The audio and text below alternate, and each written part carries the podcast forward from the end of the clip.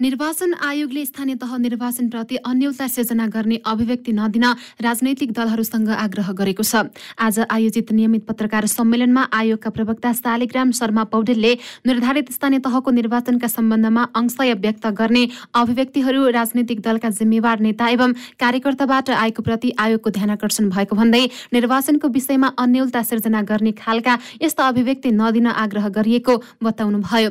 त्यस्तै आयोगले निर्वाचनको लागि आवश्यक पर्ने एक करोड चौरानब्बे लाख थान मध्ये उनापचास जिल्लाका लागि सत्तरी लाख तेत्तिस हजार मतपत्र छपाई भइरहेको जनाएको छ। पौडेलले निर्वाचनमा खटिने मुख्य निर्वाचन अधिकृत लगायतको प्रशिक्षण कार्यक्रममा जारी रहेको जानकारी दिनुभएको छ। उहाँले जुन पार्टीको चुनाव चिन्ह टिकट पाउने हो सो उम्मेद्वार सोही दलको हुने मान्यता आयोगले राख्ने बताउनुभयो। निर्वाचनका विषयमा अन्यलता सिर्जना गर्ने खालका यस्ता अभिव्यक्ति नदिनु हुन सरकारवाला सबैलाई आयोग आग्रह गर्दछ। आगामी स्थानीय तह निर्वाचनका लागि आवश्यक एक करोड चौरानब्बे लाख थान मतपत्र मध्ये आजसम्म उन्चालिस जिल्लाको सत्तरी लाख तेत्तिस हजार थान मतपत्र छपाई सम्पन्न भएको छ। यसैबीच आयोगले स्थानीय तह निर्वाचन सम्बन्धी सम्पूर्ण गतिविधिबारे जानकारी दिन स्थानीय तह निर्वाचन ई बुलेटिन प्रकाशन सुरु गर्न लागेको पनि जानकारी दिएको छ।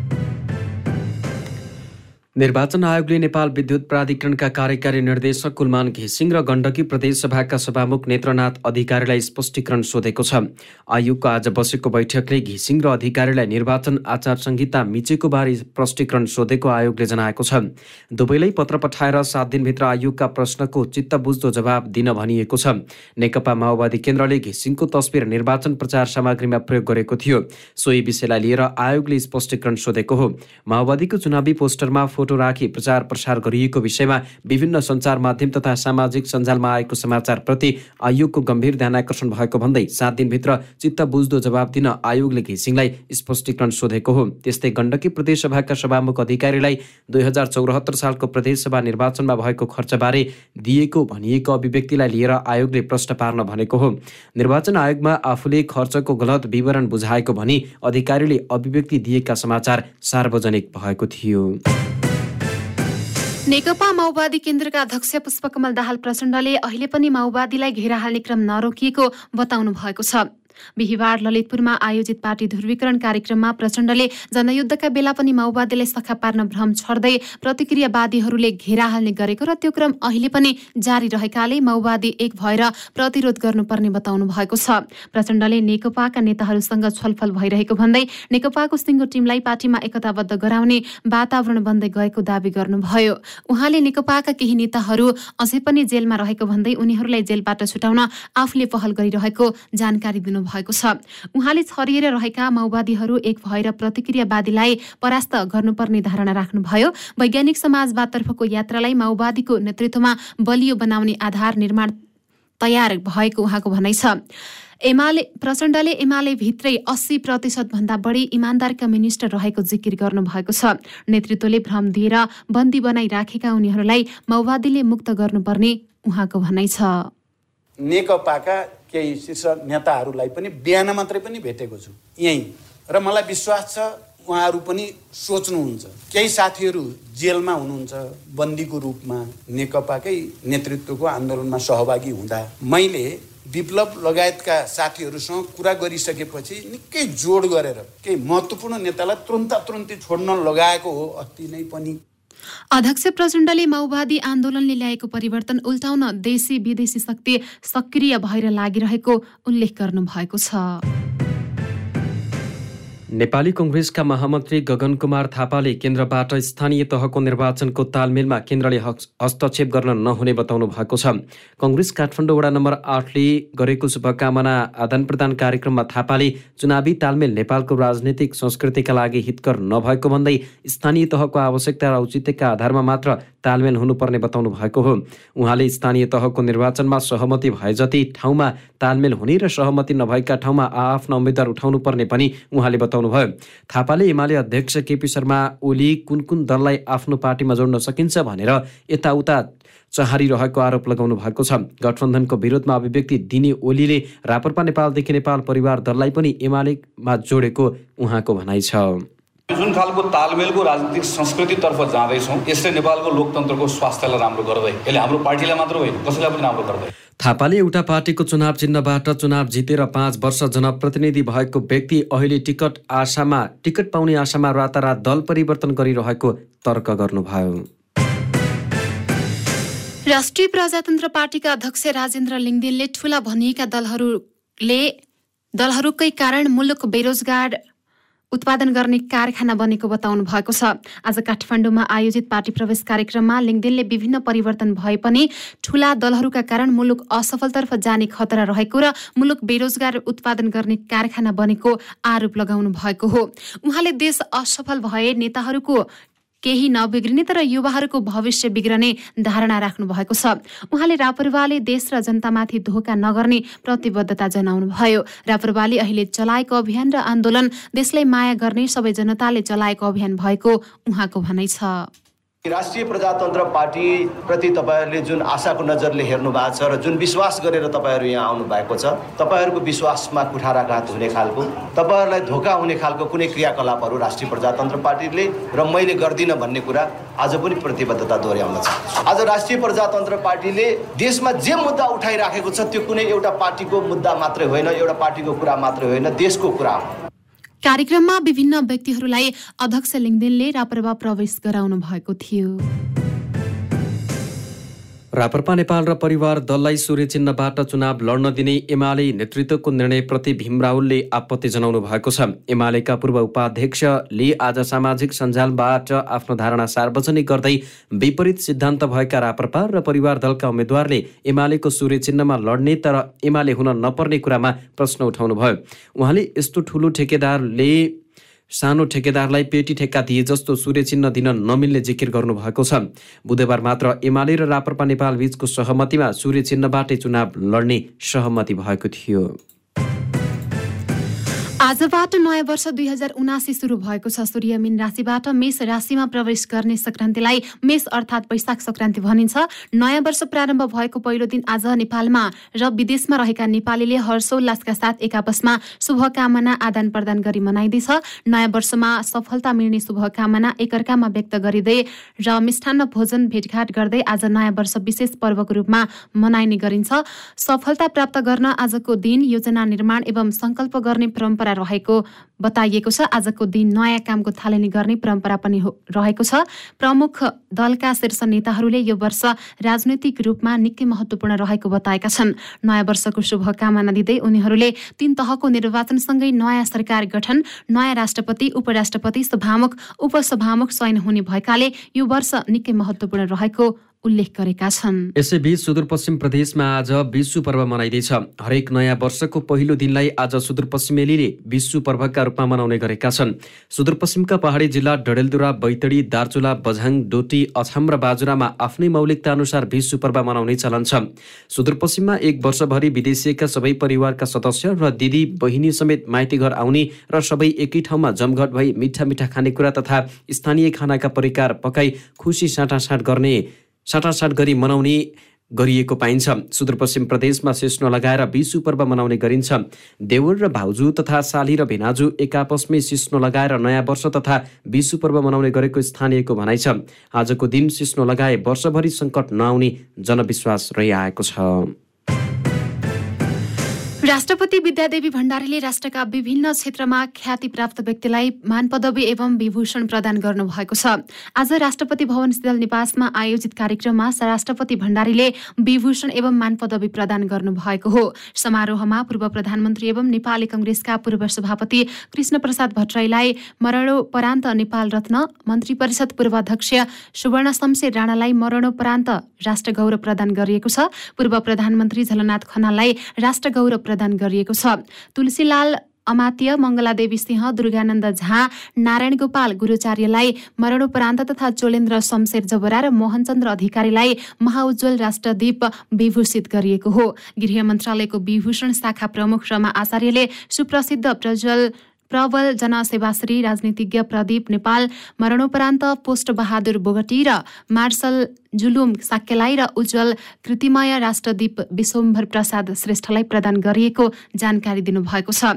सरकारले देशका लागि योगदान पुर्याएका ख्याति प्राप्त व्यक्तिलाई सम्मान स्वरूप संविधान दिवस दुई हजार अठहत्तर राष्ट्रिय दिवसका दिन उक्त मान पदवी एवं विभूषणको घोषणा गरेको थियो। यसैबीच पूर्व प्रधानमन्त्री तथा नेकपा एमालेका अध्यक्ष केपी शर्मा ओली विश्व स्काउट एसिया प्रशान्त क्षेत्रद्वारा प्रदान गरिने मेधावी योगदान उच्च पदकबाट विभूषित हुनुभएको छ। काठमाडौँमा आज आयोजित एक विशेष समारोहमा राष्ट्रपति विद्यादेवी भण्डारीले ओलीलाई पदकबाट विभूषित गर्नुभएको हो। प्रत्येक वर्ष विश्व स्काउटको एसिया प्रशान्त क्षेत्रीय उच्च पदक विभिन्न देशका प्रतिष्ठित व्यक्तिलाई प्रदान गरिँदै आएकोमा यस वर्ष नेपालका पूर्व प्रधानमन्त्री ओलीलाई प्रदान गरिएको हो। स्काउटको विकास र विस्तारमा ओली प्रधानमन्त्री भएको बेला विशेष पहल भएको नेपाल स्काउटका राष्ट्रिय संयोजक लोकबहादुर भण्डारीले बताउनुभयो। पछिल्लो चौबिस घण्टामा नेपालमा चारजनामा कोरोना संक्रमण पुष्टि भएको छ। देशभर गरिएको दुई हजार दुई सय बैसठी पिसिआर परीक्षणका क्रममा तिनजना र एक हजार अस्सी एन्टिजेन परीक्षणका क्रममा एकजनामा कोरोना संक्रमण पुष्टि भएको हो। आज चौवालिस संक्रमित संक्रमण मुक्त भएका छन्। हाल नेपालमा चार सय उना सक्रिय संक्रमित आइसोलेसनमा रहेको मन्त्रालयले जनाएको छ। भोलिदेखि देशभरका विद्यालयमा नयाँ भर्ना अभियान सुरु हुने भएको छ। नयाँ भर्ना अभियान थाल्न स्थानीय तह र सबै विद्यालयलाई निर्देशन दिइसकिएको शिक्षा विका विज्ञान तथा प्रविधि मन्त्रालयको शिक्षा तथा मानव स्रोत विकास केन्द्रले जनाएको छ। विकास केन्द्रका प्रवक्ता डेले लुइटेलका अनुसार भोलिदेखि वैशाख एकतिस गतेसम्म सामुदायिक तथा निजी विद्यालयहरूले नयाँ भर्ना लिनेछन्। यसको लागि गत चैत्र एक्काइस गते नै सूचना जारी गरेर स्थानीय तह र विद्यालयलाई जानकारी गराइएको उहाँले बताउनुभयो। नेपालगञ्जमा कारको ठक्करबाट तीनजनाको मृत्यु भएको घटनाको दोषीमाथि कारवाहीको माग गर्दै पीडितका आफन्त तथा स्थानीयवासीले प्रदर्शन गरेका छन्। कार र चालकलाई प्रहरीले नियन्त्रणमा लिए पनि उनीहरूले कारवाही र उचित क्षतिपूर्ति माग्दै टायर बालेर बिपी चोकमा प्रदर्शन गरेका हुन्। उनीहरूले प्रदर्शन गर्दै चक्का जाम गरेका छन्। चैत सत्ताइस गते एक कारले नेपालगञ्जको बिपी चोक नजिक बाटोमा हिँडिरहेका तीनजनालाई ठक्कर दिएको थियो। ठक्करले पैँसठी वर्षीय समिना इन्द्रेसी पाँच वर्षका कसिम इन्द्रेसी र पाँच वर्षका अली इन्द्रेसीको मृत्यु भएको थियो। बारामा भरुवा बन्दुक पट्किएर एक युवकको मृत्यु भएको छ। बाराको जितपुर सिमरा उपमहानगरपालिका सोह्र डकाहा टोल बस्ने अठाइस वर्षीय सागर सिंह मगरको मृत्यु भएको हो। दुधौरा खोलामा माछा मारेर फर्कने क्रममा जङ्गली जनावरको शिकारको लागि थापेको भरुवा बन्दुकको पासोमा परेर घटना भएको प्रारम्भिक सूचना पाएको प्रहरीले जनाएको छ। गोली लागेर गम्भीर घाइते अवस्थामा मगरलाई उपचारको लागि वीरगञ्ज स्थित नारायणी वयोध्या अस्पतालमा ल्याइएको थियो। उपचारको क्रममा उनको मृत्यु भएको प्रहरीले जनाएको छ। गत वर्ष दुई हजार अठहत्तरमा विपदका विभिन्न घटनामा परि नेपालमा पाँच सय सातजनाले ज्यान गुमाएका छन्। गत वर्ष विपदका घटनाबाट देशभर पाँच सय सातजनाले ज्यान गुमाएको गृह मन्त्रालय अन्तर्गतको राष्ट्रिय आपतकालीन कार्य सञ्चालन केन्द्रले जनाएको हो। केन्द्रका अनुसार पहिरो बाढी भारी वर्षा चट्याङ सर्पको टोकाई आगलागी हावाहुरी जनावरको आक्रमण दुर्घटना जस्ता विपदका घटनामा परि उनीहरूको ज्यान गएको हो। गत वर्ष विपदका घटनामा परि सतहत्तरजना बेपत्ता र एक हजार सात सय एकासीजना घाइते भएको केन्द्र केन्द्रले जनाएको छ विपदका घटनाबाट घटनाबाट गत वर्ष छ हजार एक सय चौवालिस परिवार प्रभावित भएका थिए। केन्द्रका अनुसार दुई हजार अठहत्तर सालमा विपदका घटनाले देशभर दुई अर्ब एकसट्ठी करोड अठाइस लाख सतसट्ठी हजार पाँच सय चौरात्तर रुपियाँ बराबरको आर्थिक क्षति गरेको छ। अघिल्लो वर्ष दुई हजार सतहत्तरमा विपदका घटनामा परि देशभर पाँच सय चौरानब्बेजनाको मृत्यु एक सय दुईजना बेपत्ता र एक हजार एक सय बहत्तरजना घाइते भएका थिए। उक्त वर्ष विपदका घटनाले दुई अर्ब दुई करोड चौवन्न लाख अडचालिस हजार छैसठी रुपियाँ बराबरको आर्थिक क्षति गरेको थियो। बाह्रमा आज बिहान स्कार्पियो जीप दुर्घटना हुँदा एकजनाको मृत्यु भएको छ तेह्रजना घाइते भएका छन्। पूर्व पश्चिम राजमार्ग अन्तर्गत जितपुर र समिरा उपमहानगरपालिका एक्काइस आधार भार जङ्गलमा जीव दुर्घटना हुँदा सोही स्थानका चालक पच्चिस वर्षीय लोकनाथ सेढाईको मृत्यु भएको हो। दुर्घटनामा जीपमा सवार तेह्रजना घाइते भएका छन्। घाइतेमध्ये तीनजनाको अवस्था गम्भीर रहेको जिल्ला प्रहरी कार्यालय बाराका प्रवक्ता प्रहरी नायब उपरीक्षक राजेश थापाले जानकारी दिनुभएको छ। सिमराको अल्पाइन अस्पतालमा सामान्य उपचारपछि घाइतेहरू सबैजनालाई वीरगञ्ज स्थित वयोध्या अस्पतालमा थप उपचारको लागि पठाइएको प्रहरीले जनाएको छ।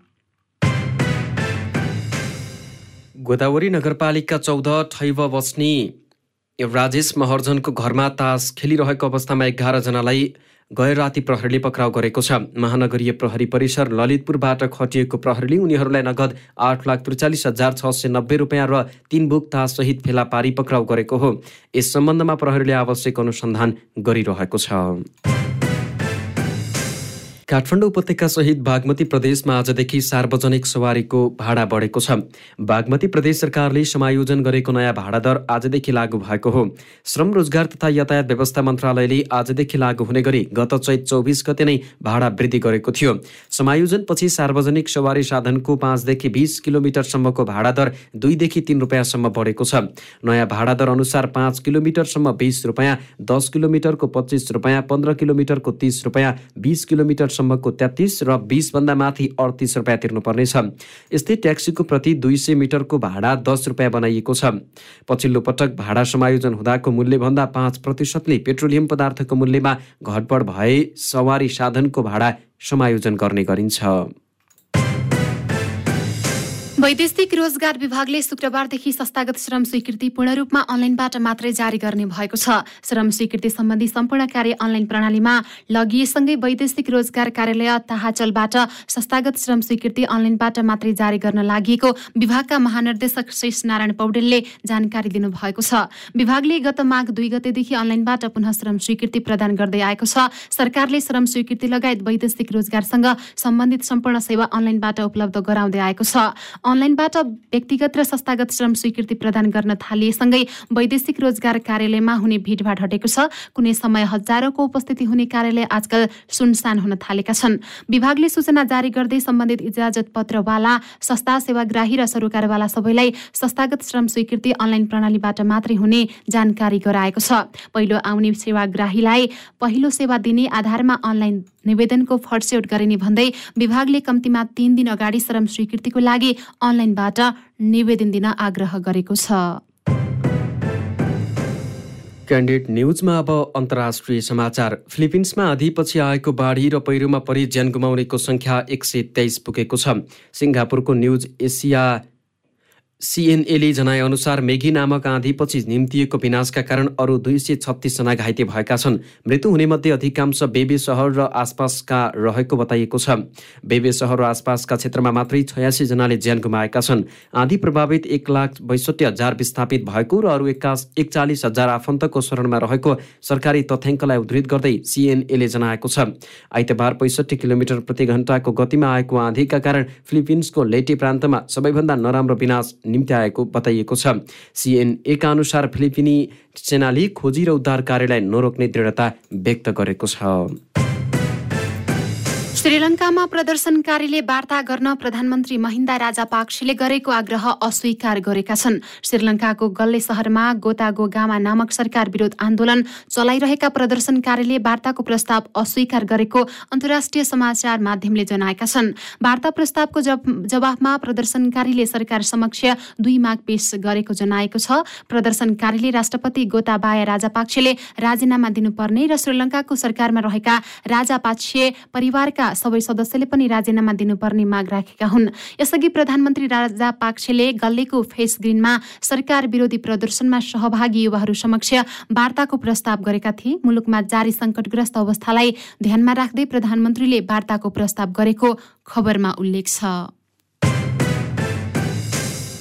क्यान्डिडेट न्युजमा अब खेलकुदका समाचार। उत्तर प्रदेश एघारलाई चौध रनले हराउँदै मलेसिया एघार नेपाल प्रो क्लब च्याम्पियनसिपको फाइनलमा प्रवेश गरेको छ। आज भएको पहिलो सेमिफाइनल वर्षाका कारण प्रभावित हुँदा पाँच ओभरमा झारिएको थियो। भैरहवाको सिद्धार्थ क्रिकेट रङ्गशालामा टस हारेर ब्याटिङको निम्ति पाएको मलेसिया एघारले तीन विकेट गुमाउँदै चौवालिस रन बनाएको थियो।